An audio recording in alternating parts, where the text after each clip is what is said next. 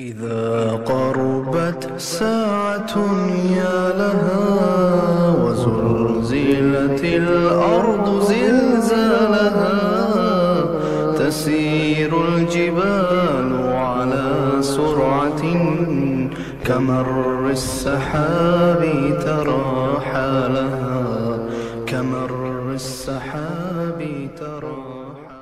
الحمد لله رب العالمين والصلاة والسلام على أشرف الأنبياء والمرسلين نبينا محمد وعلى آله وصحبه أجمعين رب اشرح لي صدري ويسر لي أمري وأهل العقدة من لساني يفقه قولي Doista svaka zahvala pripada uzvišom Allahu tebarak wa ta'ala, salavat miri selam na Allahog usanika, Allahog milenika Muhammeda, alaihi salatu wa salam, njegovu časnu porod, suzvete ashabi se ljudi koji slijede put istinu su njega dana.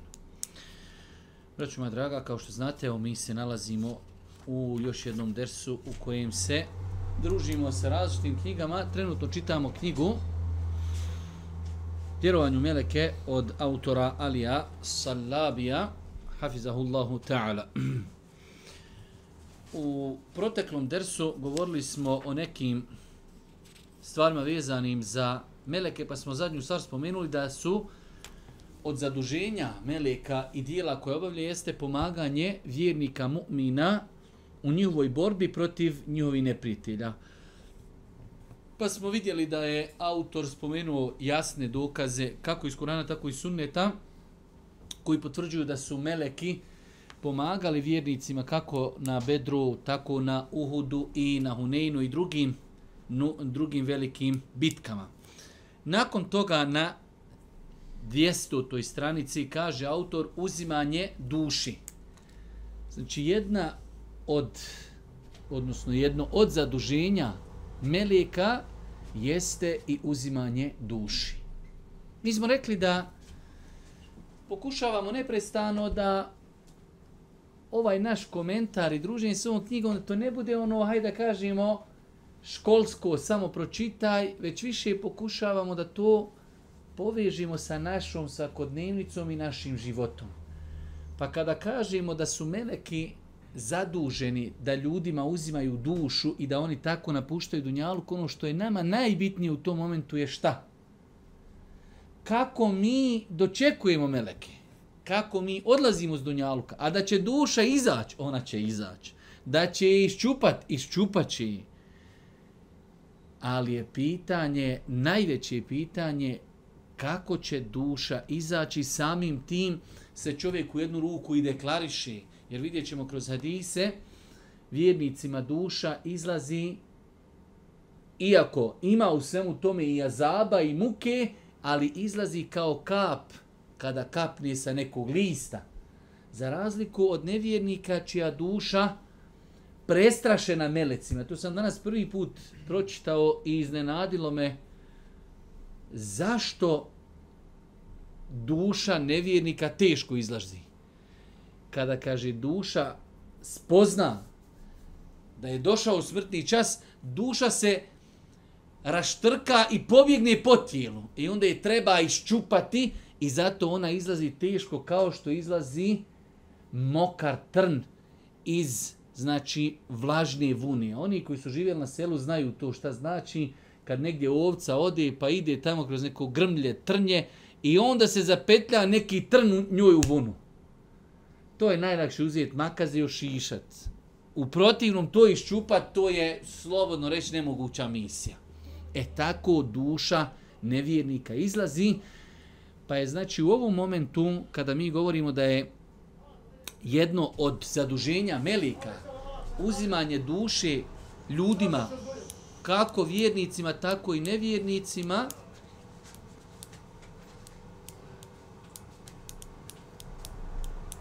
da mi razmislimo o sebi i o tome kako dočekujemo meleke i kako će izaći naša duša. Pa nam kaže autor uzimanje duši 200 ta strance u Kur'anu i Kerimu i poznanim hadisom kaže se da je Svevišnji Allah zadužio meleke da uzmeju dušu ljudima onda kada dođe njihov smrtni čas.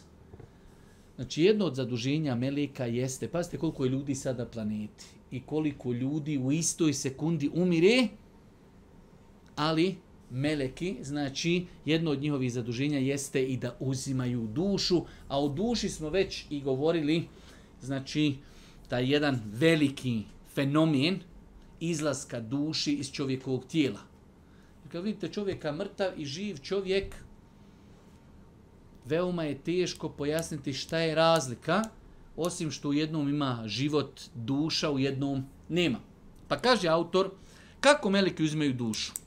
A zašto vi kada duša do guši dopri i kada vi budete tad gledali, a mi smo mu bliži od vas, a vi ne vidite, zašto je onda kad niste u tuđoj vlasti ne povratite ako istinu govorite? Ove Allahove riječi znači sljedeći. Zašto vi ne pomognete onome koji je na, smrt, na smrti dok gledate kako prolazi kroz smrtne muke? Onda kada smo mi svojim melekima njemu bliži od vas, a vi meleke ne vidite. Allah Đelešanu ljude kao da ih izaziva i pita da im dokaže njihovu slabost. Vidjeli ste kako nekad sjediš pored oca, pored majke, pored supruge, pored djeteta, vjerovatno je svako od vas imao neku situaciju i umiri čovjek, ode duša. Ne moš mu ništa. Dao bi sve. Pa Allah Đelešanu kaže, zašto? Tu je melek, ne vidiš ga, uzima dušu, zašto se ne suprostavite tomi? Znate kako velikani, ljudi, kad kajem velikani, u smislu ljudi bogati, ugljedni, dok je bio živ, mogao je priuštiti sebi sve živo. Evo ovako, ponesi, auto, jahto, jahta, kuća, putovanje, avion, sve. Ali kad uđu smrtni muki, hajde zaustavi meleka i recimo, znaš, daj samo, pomakni još minutu nemoguća misija. Zato kažem, to je najbitniji moment u ovom dijelu knjige da insan preispituje sebe. Pogotovo, subhanallah, vjerujem da većina vas to prati i da to može se jednostavno spomenuti kao jedna interesantna činjenica. Evo u zadnji, uzmite 10-15 dana, pratite novine, umrla osoba 35 godina, umro sportista od 28 godina, u 40. godini neki e, umjetnik, znači ljudi izuzetno mladi umiru. Zašto ovo govorim? Iz razloga što insan ono birvaktile, pa 60 godina, maka je mlad. Nema više mlad star. Takav je sad Dunjaluk. Pogotovo ako uzmemo u, u obzir da je Allah poslanik da je predznak sudnjeg dana, iznenadna smrt. Ništa čovjek, vidjeli ste, sportisti, mladi, danas bio na utakmici, poslije podne umru. Ili jučer igrao, branio, danas umru. Znači, iznenadna smrt. I to insan treba tome da posvjeti najveću pažnju. Vjerujte, Dunjaluk je vadljiv. Dunjaluk će proći. Valja svima nama sa Dunjaluka ići. Šta je insan pripremio za taj moment? kada će zovnuti i kazati gospodaru produži, gospodaru vrati me, gospodaru da uradim kakvo dobro djelo. Ovdje autor navodi ove argumente u kojima e, generalno govori da meleke uzimaju ljudsku dušu, on je vladar nad robovima svojim, Allah subhanahu wa ta'ala, i šalje vam čuvare. A kada nekom od vas smrt dođe iza slanici, naši mu bez okljevanja dušu uzimaju kada nekome dođe smrtni čas, nema okljevanja, meleki su apsolutno pokorni. 15 sati i 13 minuta, tom i tom treba uzeti dušu. Nema tu gdje, zašto, kako, gdje. Duša izlazi u toj minuti i u toj sekundi. Oni, Allah, vladar nad robovima svojim i šaljevom čuvare, a kada nekom od vas smrt dođe i zaslanici našimu bez okljevanja dušu uzme. Oni će poslije biti vraćeni Allahu svom istinskom gospodaru, samo će, samo će se on pitati i on će najbrže obračunavati, e, obračun svoditi. Kaže se u suri El Qiyame, pazi kada duša dopri do ključnih kostiju i vikne se, ima li vidara, iako ja lično preferiram da se ovdje pre, e, prevodi, ima li onoga ko ruki uči, ima li onoga ko uči rukju, i on se uvjer, uvjeri da je to čas rastanka i noga se uz nogu savije. Tog dana će gospodar, gospodaru tvom priveden biti. Džabaj, ljudi, kad dje, ima li doktor, daj neko prouči rukiju. Nema u tom momentu dolaze smrtne muke i nema više lijeka. Ovi se kuranski ajeti, ovim se kuranskim ajetima ukazuje na neposrednu blizinu smrti kao i u ajetu, a zašto vi kad duša do guše dopri. Vidjeli smo malo prije one ajete gdje Allah Đelešanu kaže a kad duša dopri do grkljana. Zašto vi se ne suprostavite tome? Svevišnji Allah rekao je, reci, melek smrti koji vam, koji vam je zato određen, duše će vam uzeti, a poslije ćete se gospodaru svome vratiti. Neki ljudi griješe smatrajući da je Azrail zadužen za vađenje duši, a istina je da ovaj važan posao radi melek smrti. Mi smo o tome govorili kad smo navodili imena meleka, da je rasprostranjeno ime da se melek koji je zadužen za vađenje duše ljudima zove Azrail, ali nije tačno, nije to nigdje potvrđeno vjerodostojnim hadisima Allahu poslanika, ali se sam, a u Kur'anu je spomenut kao melekul meut. Melek smrti. I najbolje je da insan se u takvim pitanjima pridržava kuranske terminologije. Melek smrti. Postoje pomagači meleka smrti koji duše čupaju grubo i oni koji duše vade blago na temelju uzvišnog kuranskog ajeta, tako mi oni koji grubo čupaju i oni koji vade blago. Znači imamo dva načina uzimanja duše, imamo težak i bolan izlazak duše, to je izlazak duše nevjernika i imamo lahak izlazak duše, to je duša vjernička. Nekoliko sahaba i tabina kazalo je da se navedeni ajeti odnose na meleke, te nekim ljudima dušu grubo čupaju, a nekim dušu blago vadi. Uon nazijate garka, uon naši toti nešto. Kako duša vjernika napušta tijelo? Svevišnji Allah rekao je, i neka se ničega ne boje i ni za čim neka ne tuguju Allahovi štićenici. Allahove evlije. Oni koji budu vjerovali i koji se budu Allaha bojali, za njih su dobre vijesti na Dunjalku i na onom svijetu. Allahove riječi niko ne može izmijeniti, to će zaista veliki uspjeh biti. Allah Žešanu govori o Allahovim evlijama. Mi smo više puta kroz naša predavanja ukazivali na taj fenomen da kod nas, kao i mnoge druge stvari, mi dosta puta odemo u nekom pogrešnom pravcu, pa nažalost, kod nas se zna nekada desiti da ljudi određenog insana smatruje vlijom, a čovjek najosnovnija pitanja vjere ne praktikuje. Čovjek ne klanja namaz, ali kaj je vlija – E sad, kako li on stekao taj čin, to samo uzvišen je Allah subhanahu wa ta'ala zna, ali e, evlije, po ispravnom vjerovanju ehli sunneta su ljudi koji vjeruju u Allaha, amenu wa kanu je tekun. Vjerovali i bojali se Allaha, živjeli po islamu. Čovjek daleko od Allaha u svakodnevnom životu.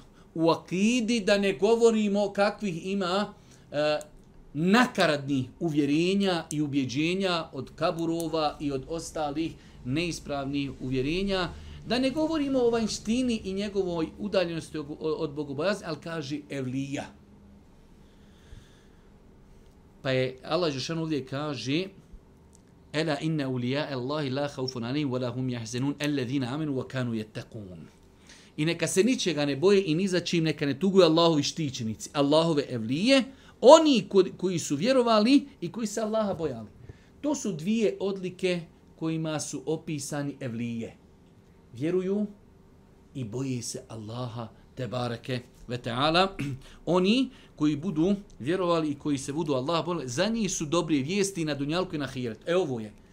E, zašto je autor citirao ovaj kuranski ajet? Kaže, lehumul bušra fil hajati dunja u fil ahira. Kaže, imaju oni moštuluke, imaju dobrije vijesti i na Dunjaluku i na Ahiretu. Pa kaže autor, u pogledu tumačenja Allahovi riječi za njih su dobrije vijesti na Dunjaluku, postoje dva tumačenja. Prema jednom tumačenju one se odnose na lijepe snove koje usnije musliman.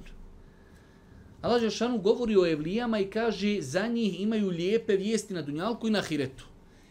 U pogledu ovih lijepih vijesti na Dunjaluku, kažu mu Fesiri, može biti jedno od dva značenja. Ili su to snovi, a vi znate da snovi vjernika mogu biti istiniti. I kaže drugo značenje, prema drugom tumačenju, taj se uzvišeni kuranski ajet odnosi na radosnu, uh, radovijest koju Meleki donosi vjerniku na samrti, da će mu Allah oprostiti grijehe i uvesti ga u džennet. Meleki dolazi vjerniku i donosi mu radosnu vijest i kaže nemoj se žalostiti i nemoj tugovati, nemoj tugovati, nemoj se žalostiti, donosi mu radosnu vijest da će ga uzvišnja Allah s.w.t. počastiti džennetom i da će mu prostiti grijehe. Na to upućuje predanje koje prenosi Bela ibn Azib u kojem se kaže da Allah poslanik rekao kada vjerniku dođe smrtni čas pojavi se melek Meleki bijelih lica i bijele odjeće te mu reknu, dobra dušo, izađi i uživaj u udobnosti, lijepoj obskrbi i Allahovom zadovoljstvu. U tom njegova duša izađe na usta lako kao ko što kap vode kane iz grlića mješini. Či znači, autor nam cijelo vrijeme govori o dva načina umiranja. Meleki, kako uzimaju vjerničku dušu i kako uzimaju nevjerničku dušu. Pa pogledajte opisa kako vjernička duša napušta tijelo sada vam neko rekli, daj mi pojasni nešto najlagahnije, nešto najlakše, nešto na... kako kapljica kaplje sa grlića. Znate sad kad imate ono, prije su bile one mješine i grlić i ona kapljica lagano, ništa, bez ikakvog ometanja. Za razliku vidjet ćemo kako nevjernicima e, duše uzimaju meleki. Ovdje nam je autor govorio o ajetima koji govori o tome kako će vjernici, uzi, kako će meleki uzimati duše vjernicima. Nakon toga kaže kako duša nevjernika napušta tijelo. Sve moguće Allah objavio je ko je nepravedniji od onoga koji laži u Allahu, iznosio i koji govori objavljuje mi se, a ništa mu se ne objavljuje, ili koji kaže i ja ću reći isto ono kao što je Allah objavljuje. Evo ovdje kaže, a dati je vidjeti nevjernike. Evo u smrtnim mukama, kad meleki budu ispružili ruke svoje prema njima, spasite se ako možete, odsad ćete neizdržljivom kaznom biti kažnjeni zato što ste na Allaha ono što nije istina iznosili i što ste prema dokazima njegovim oholo se ponašali. Da ti je, kaže, da vidiš kada meleki dođu da uzmu dušu nevjernicima. ispruži ruke svoje prema nje, spasite se ako možete. Evo, hajde.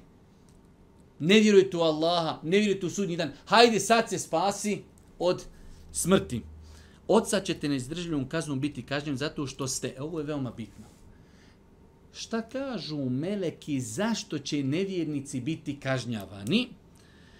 Kaži, biti zato što ste na Allaha ono što nije istina iznosili lagati na Allaha jedan od najvećih grijeha. Jedan od grijeha koji nevjernici danas iznose na Allaha, Allah ima djete. Jedna od najvećih potvora na planeti da uzvišeni Allah subhanahu wa ta'ala ima ženu, da ima djete i mnoge druge stvari. I još jedan veoma bitan razlog kaže وَكُنْتُمْ عَنْ آيَاتِهِ تَسْتَكْبِرُونَ I što ste dokaze njegove prema tim dok ste bili oholi.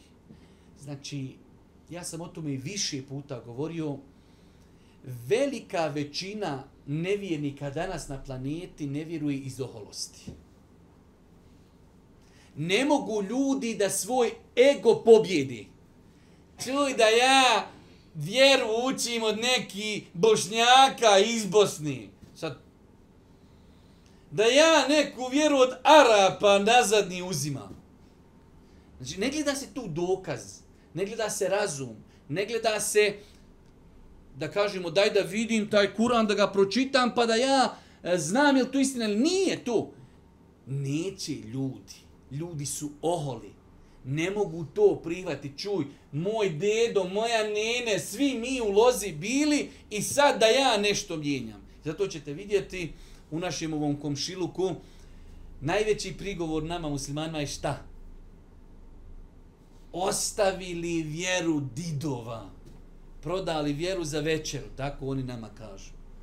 A meni je tako drago da smo mi imali te naše predake u to vrijeme bez interneta, bez ove komunikacije prije 500 godina shvatili što neko ne može nešto sad shvatiti. Znači koliko su bili ljudi napredni, koliko su bili iskreni, koliko su bili, ako treba, i pametni, da su prije 500 godina shvatili nešto što neko ne može još shvatiti. Ne može, ne može nikako da to proguta. A ljudi prije 500 godina to shvatili. Pa jedan od najvećih razloga zašto će biti nevjernici kažnjavani oholos prema Allahovim dokazima. Doneseš čovjeku Kur'an i kaže, evo, Allahova riječ. Nema, nema on odgovor, nemoguće imati odgovor na Allahov govor. govor. Vidio ste prija kad Ahmed Didat stane sa onim njihovim teolozima raspravljati.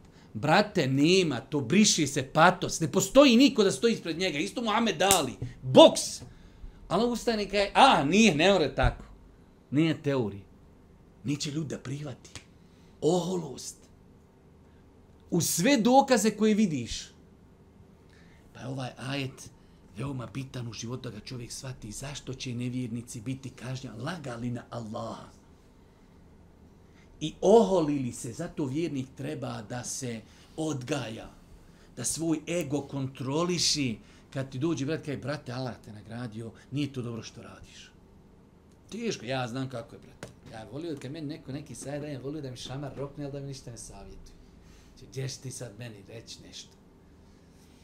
Hem što to pokazuje da sam ja krnjav, a još ukazuje ti bolji od mene. A šeki tu potpalju i znači, ne, nemoj da ga ponemoj, ću, ću vidi, vidi, on, on tebi našao govorit. A, a to, brate, u tebi, u tebi, ko da se peče pekmez, ključa, ključa, ali tu li naložilo ključa? Valja tad uzeti ego i ka... ne, ne, ne, u redu, dokaz jest, alate nagradio, popravit ću se. To je svojstvo mu'mina, vjernika obrnuto, obrnuto svojstvima nevjernika koji iz oholosti وَجَهَدُوا بِهَا وَسْتَيْقَنَتْهَا أَنْفُسُهُمْ Kaže, poriču istinu. Subhano, to je jedan od najjačih kuranskih ajeta. وَجَهَدُوا بِهَا وَسْتَيْقَنَتْهَا أَنْفُسُهُمْ A u dubini svoje duše uvjerim da je to istina. A on nemoj to, nama nema, zalutali, da lale, za... A u srcu zna da je to istina. Allah Žešan kaže, o džahadu biha. Poricali su istinu. O stej kaneta enfusum. A u dubini duše ubjeđen da je to istina. Ali neće, nema da ego. Gdješ se je od Arapa, neku je od Turaka. Od Bosanaca. Lušnjaka. A ne, vrate, ako je od njih, ma u džehennem, sam neću od njih sretno i još ćemo ti zatvoriti vrata i gurnite nogom.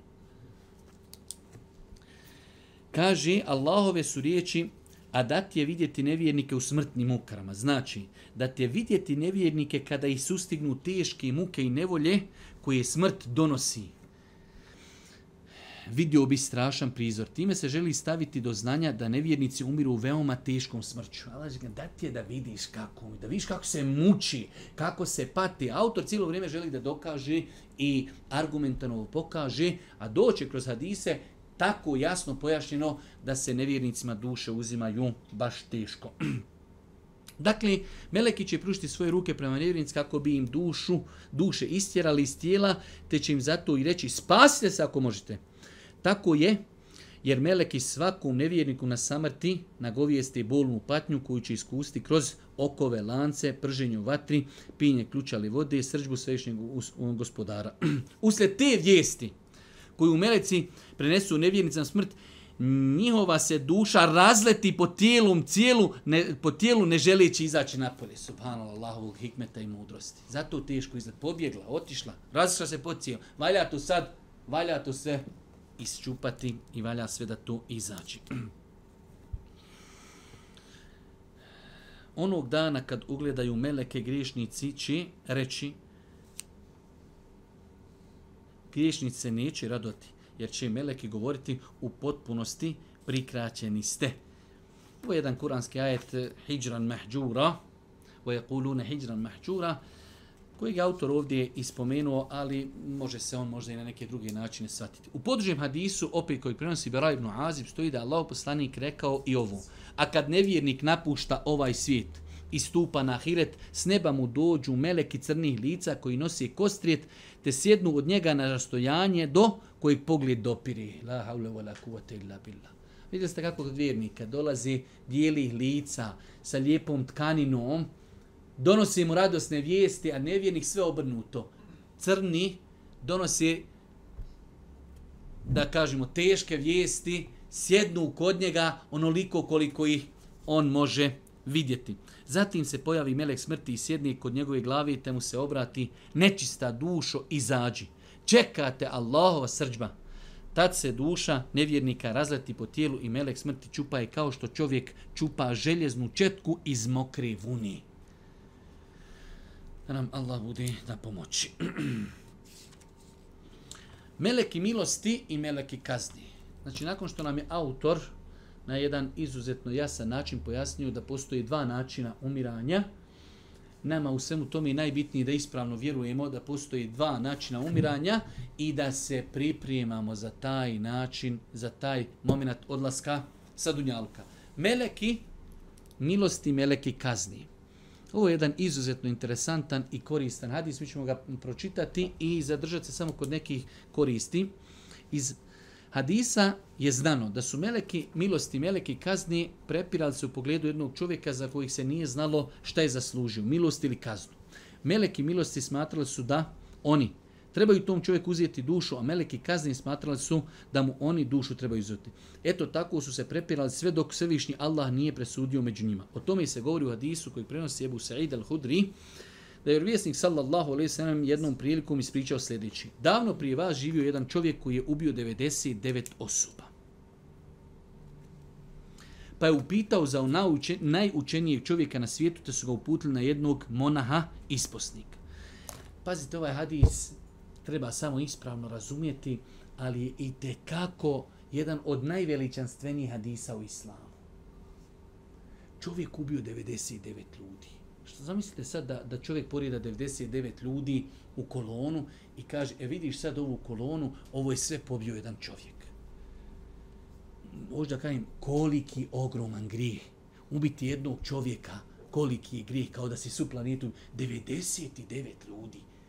Ali opet, hvala uzvišom Allahu, to nije poigravanje s grijesima.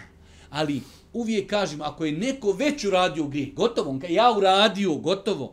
Da dođe i kaže, ja bi uradio grije, nemoj, brate, Allah te nagradio. On kaže, ja već uradio, šetan me zavio, šta ću? Pokaj se. Pa su vrata pokajanja otvorena svima. Znate, vjerujte, pogotovo naš taj mentalitet, taj naš čudni balkansko, bosansko, bošnjački, tvrdoglavi mozak, svašta može primati, ali tako mu teško pada da je čovjek bio nekad pokvaren i vratio se. Osta Boga, neka ga nek pije, nek lumpuje, ne, ne možemo od njega, imamo problema, obija auta, neka se. Ušao u džamiju, ja Allahu, draž, šta ćemo sad sa njim u džamiju? Kao džamijana je puna, mi smo kolego kockice uklopili se i sad šta ćemo sa njim? U mihrab ćemo ga Allahu ekber, pored vođe nek stoji ako nam je toliko tijez ali to je kod nas taj mentalitet. Pa čovjek ubio 99 ljudi i Allah mu otvorio srce, pita ima li učen čovjek, želim da se konsultujem, da pitam, da se vratim Allahu. E sad, te što je on pitao, oni ga okrenu na podložnjaka. Insan može biti pobožan, a da nema znanja. I to njegova pobožnost može dosta puta odvesti ga i u pogrešnom pravcu. Znate koliko ljudi je učinilo širk u pobožnosti? Širk najveći grijeh u pobožnosti. A misli i dalje da je da u ibadetu. Ta vafljenja oko kaburova, mislite li da ti ljudi koji dođu tu, da, da su oni došli, zlona, tu su iz pobožnosti došli? A čini ljudi širk? Pa pobožnost bez znanja može, a ne mora znanje, može biti ubitačna. Pa ćemo vidjeti kako je bila, nažalost, i ovom čovjeku ubitačna. pa su ga uputili na jednog monaha isposnika. On ode do spomenutog monaha i kaza mu da je ubio 99 osoba, pa ga onda upita ima li za njega oprosta od Allaha. Monah mu za, da, da za njega nema oprosta. A čovjek se na to podže i ubi monaha čime napuni stotinu udru. Vidi kako ga je neznanje koštalo na dunjaluku, Allah najbolje zna prije ahireta. Ima li za mene te ubi? nema teube. Pa ako nema, znači i 99 broj trocifren, 100 ljudi čovjek ubio. Zašto ljudima ne ostaviti mogućnost pokajanja? I najveći griješnici, i najveći muđrimi, bolje je bolan da se smiri planeta od njega, nego da, ustani, da ostani u tomi. Jel bolje da čovjek kaj, do danas sam stvarno bio kriminalac i ovo i ono, od danas se popravljamo. Pa lam i ljudima, i, i planeti, i životinjama, i komšijama, svima je bolji.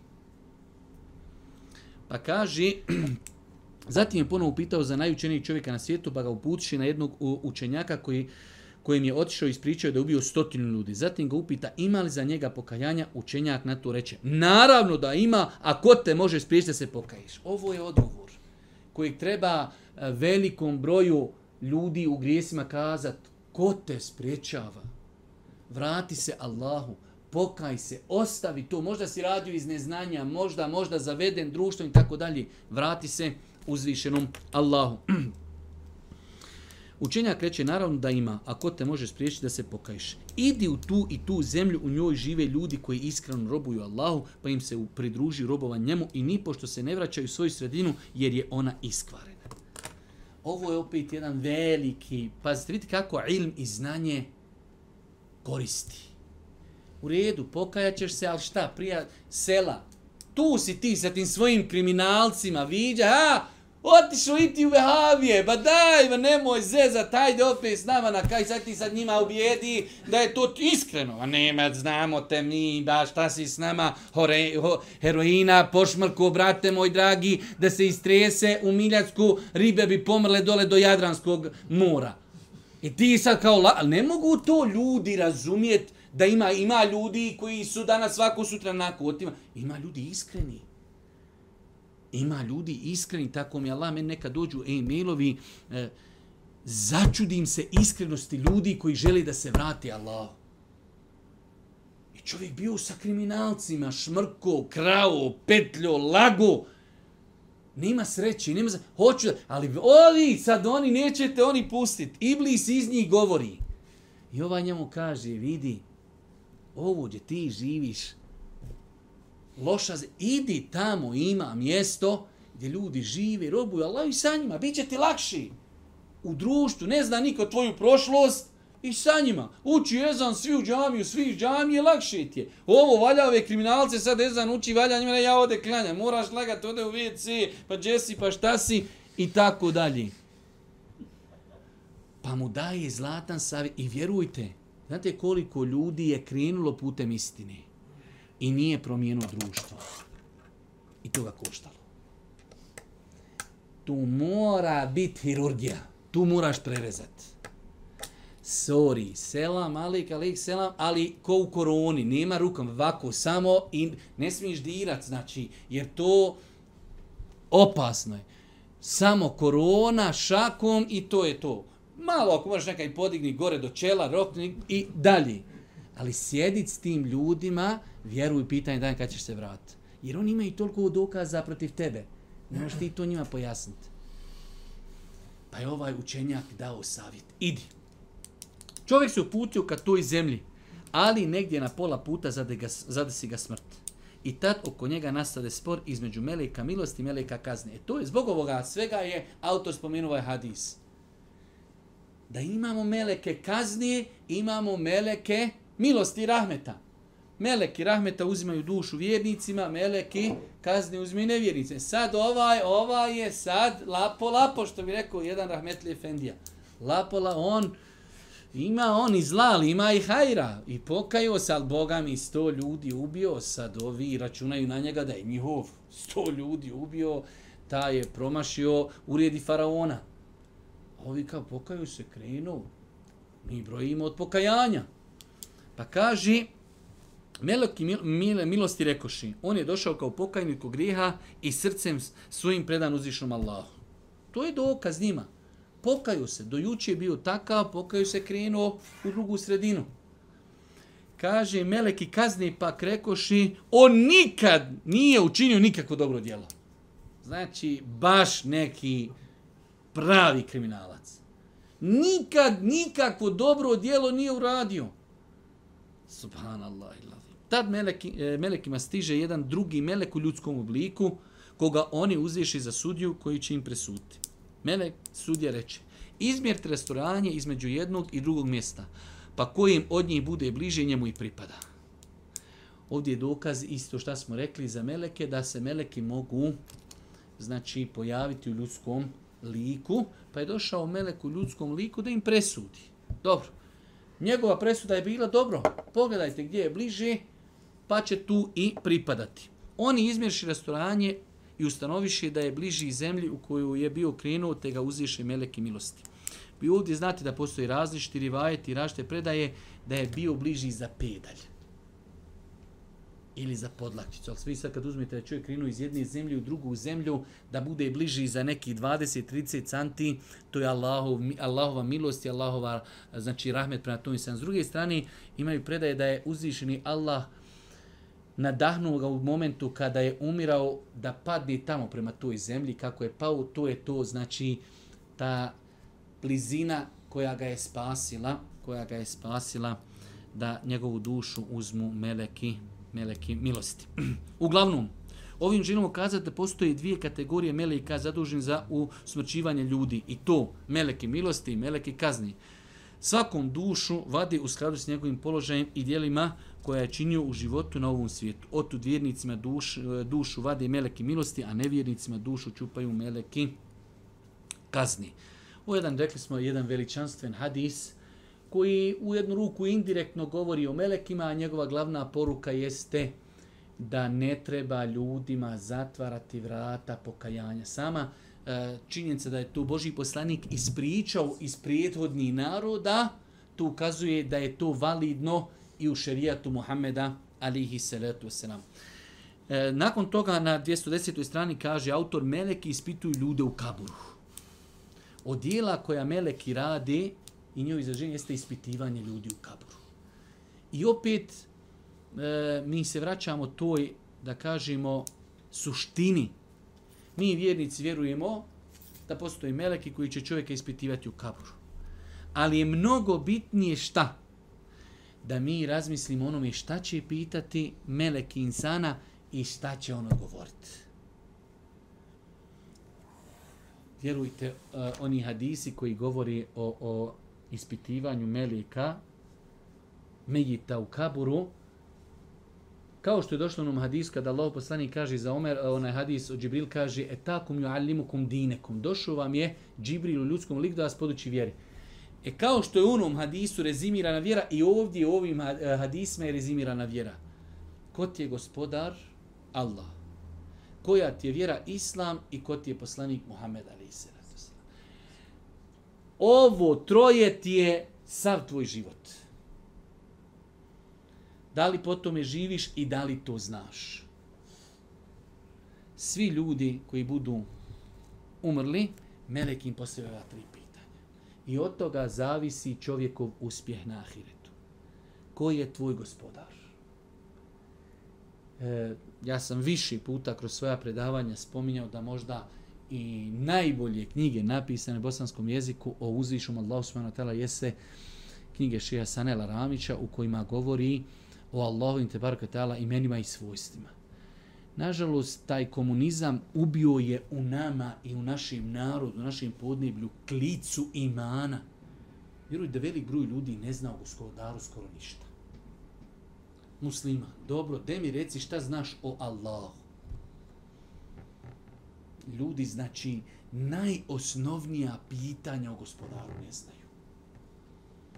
Pa je mnogo bitno to prvo pitanje u kaburu. Ko je tvoj gospodar?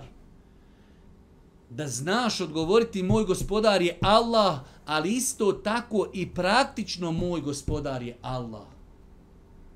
I spoznajom, a i praksom, i uvjerenjem,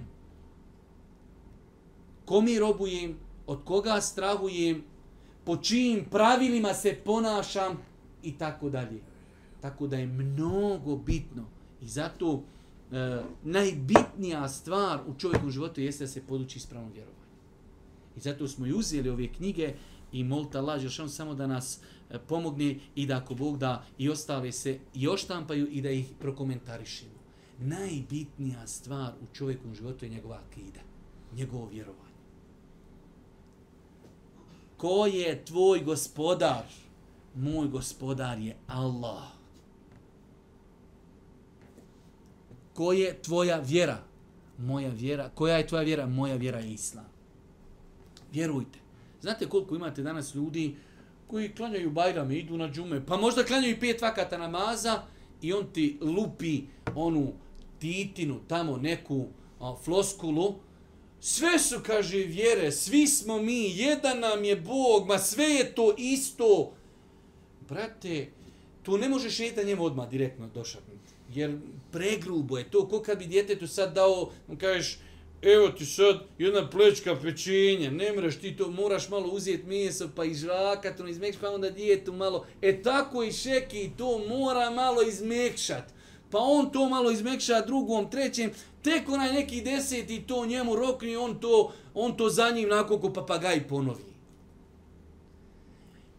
Mi na ovakav način samo skidamo odgovornost sa sebe, da nam je obaveza da ljudima kažemo inne dine inda Allahi el islam. Allah je što u Kur'anu jasno, ali na najjasniji način kaže kod Allaha jedina prihvatljiva vjera je islam. Vidi, prihvataš, ne prihvataš, jesam li ja zato ekstreman ili nisam, brate, vidi moje da ti ureknim, da ti prenesem. Hoćeš razumjet, hoćeš vjerovat, hoćeš prihvatiti, ne znam ništa moje je da ti kažem da ne možeš sutra na svojim dan kazati pa brate mi to nismo znali, jesmo znali. Bio je tamo neki pjezić koji je to ponavljao stotinu puta inne dine inda Allahi el islam kod Allaha nema druge vjeri prihvatljivi osim islam. Ovo govorimo iz ljubavi, iz emaneta prema ljudima do koji možda nije došla istina. Boži poslanik koji ne govori po hiru svome kaže neće za mene čuti niti jedan kršćanin, niti židov i ne povjerovati u mene. Znači čuo i nije povjerovo, a da neće biti vječni stanovnik vatri. Jedan plus jedan.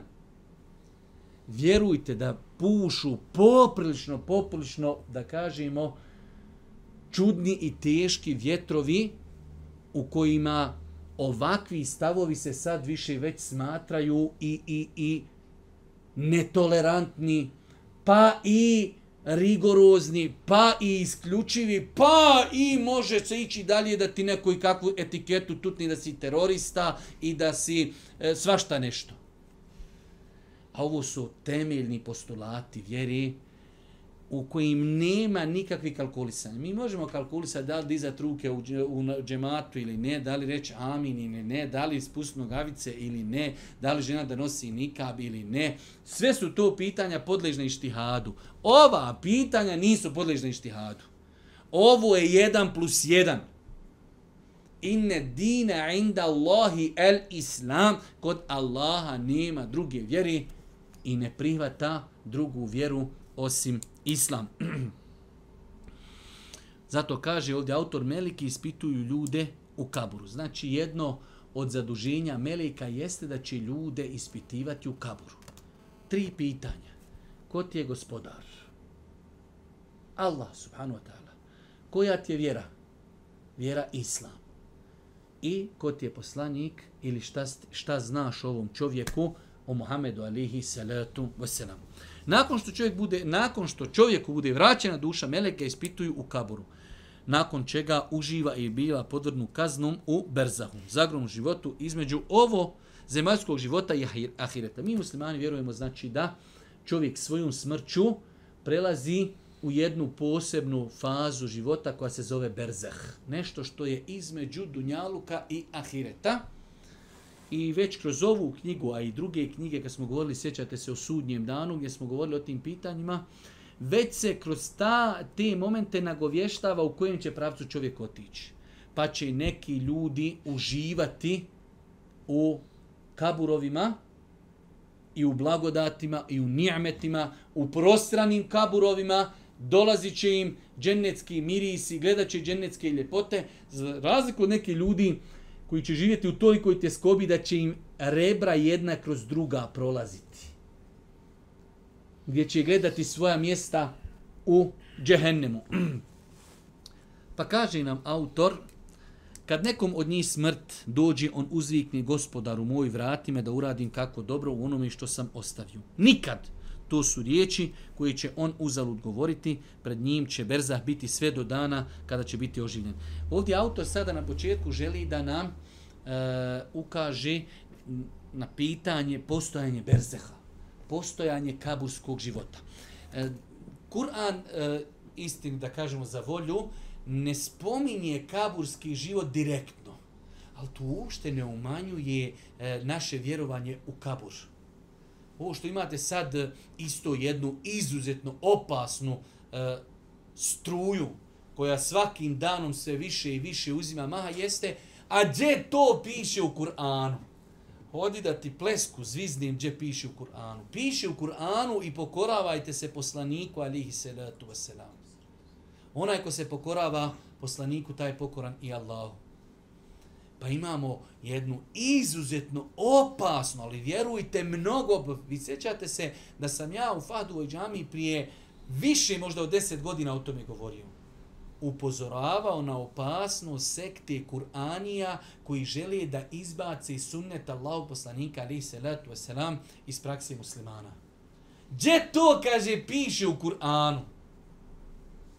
A ne zna, prvo lik ne zna, ni Kur'an nikad otvorio on ne zna arapski, on čita prijevode, ne zna, uz dužno bož svaki prijevod ima svoje mahane, nedostatke, ali je on, ko papagaj, tamo neđe čuo da to nešto ima, gdje to, kaj, gdje ti meni reci, gdje piši da je droga haram. Ima li to u Kur'anu?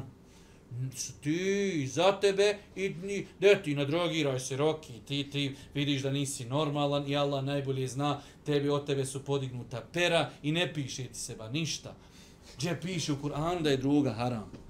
Treba sad da se neko uznoji i pojasnit njemu da je droga haram, jer ne piše riječ droga, ne piše riječ droga u Kur'anu. Pa kaže, kada nekom od njih smrt dođe, on uzvikni, gospodaru moj, vrati me da uradim kako dobro onome što sam ostavio. Vidite, ne kaže, vrati me da završim kuću, da se oženim, da otputujem, da idem, ništa vrati me da uradim dobro djelo. I opet se mi vraćamo cijelo vrijeme, uvijek pokušavamo ove naše dersove povezati sa našim životom. Mi smo tu. Mi smo na mjestu u kojem bi željeli stotine i hiljede ljudi sad da se vrati. A mi smo tu. Oni kažu, vrati me da uradim dobro. Evo, mi smo, mi smo vraćeni zašto ne iskoristiti svoj život da čovjek bude pokuran Allahu te barakatala? Nikada. To su riječi koje će on uzalud govoriti, pred njim će berzah biti sve do dana kada će biti oživljen. Umireš, pred tobom je berzah, pred tobom je e, znači kaburski život sve do dana proživljenja.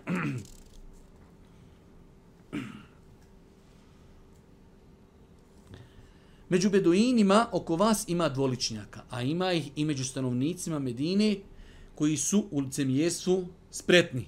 Ti ih ne poznaješ, ali ih mi poznajemo. Njih ćemo dva puta na muke staviti, a zatim će biti u veliku patnju vraćen.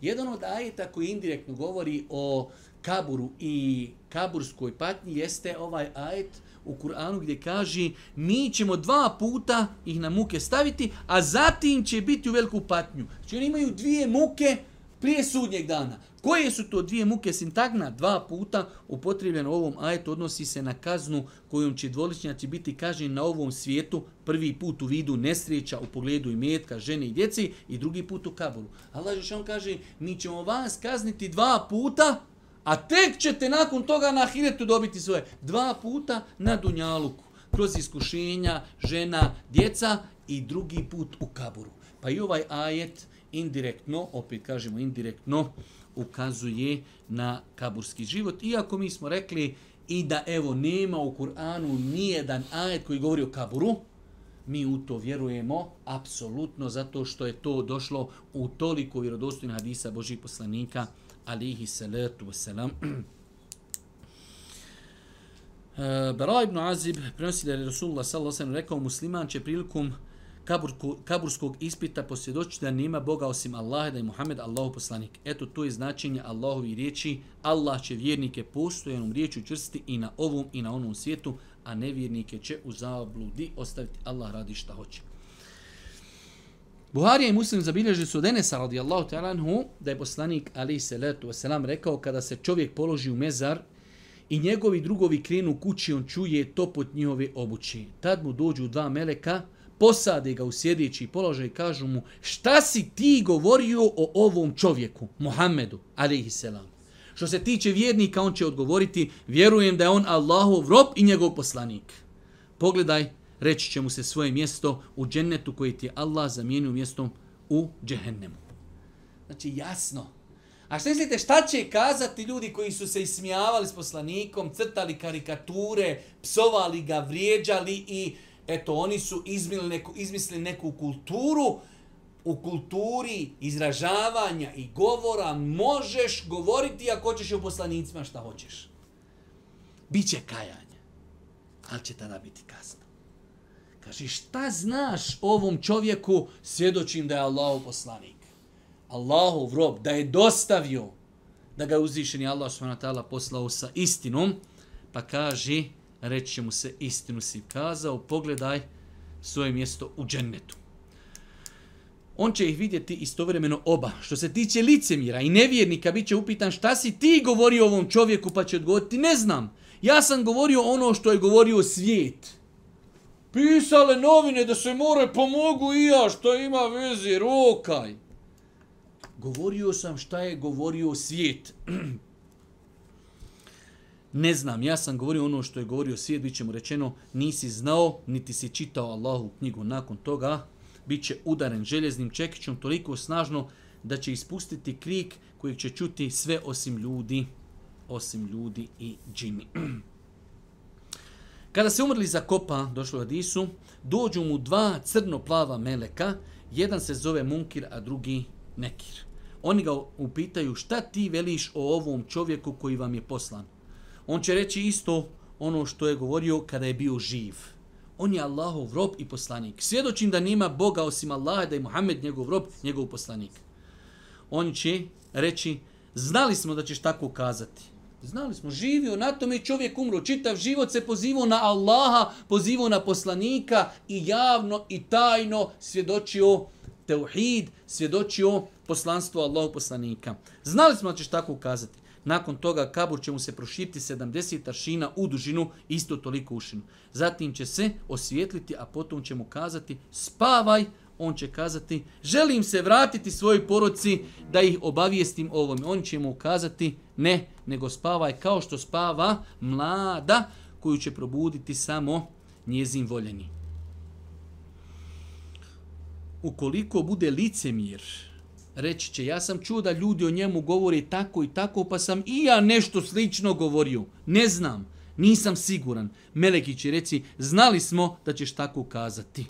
Ta će reći zemlji zbiji se oko njega i ona će se zbiti toliko da će mu rebro mimo rebro proći, neprestano će tako u zemlji patiti sve do ga uzvišeni Allah ne oživi iz te njegovi, iz te njegovi znači postelji. Kad smo rekli da nam je Ezan 53, ništa. Mi ćemo ako Bog da ovdje se zaustaviti e, kod naslova Meleki će puhnuti u rug od zaduženja, znači koja radi Meleki uz uzimanje duša ljudi, kako smo spomenuli, jeste i puhanje u rog, a o tome ćemo ako Bog da, nadamo se sljedeći četvrtka. Allah subhanahu wa ta'ala, molimo da nas učini na putu istine, nas učini od onih ljudi koji se pripremaju za svoj odlazak sa Dunjalka. Subhanak Allahumma bihamdike, šedun la ilan stakfiruke, ve tubu. Ilek.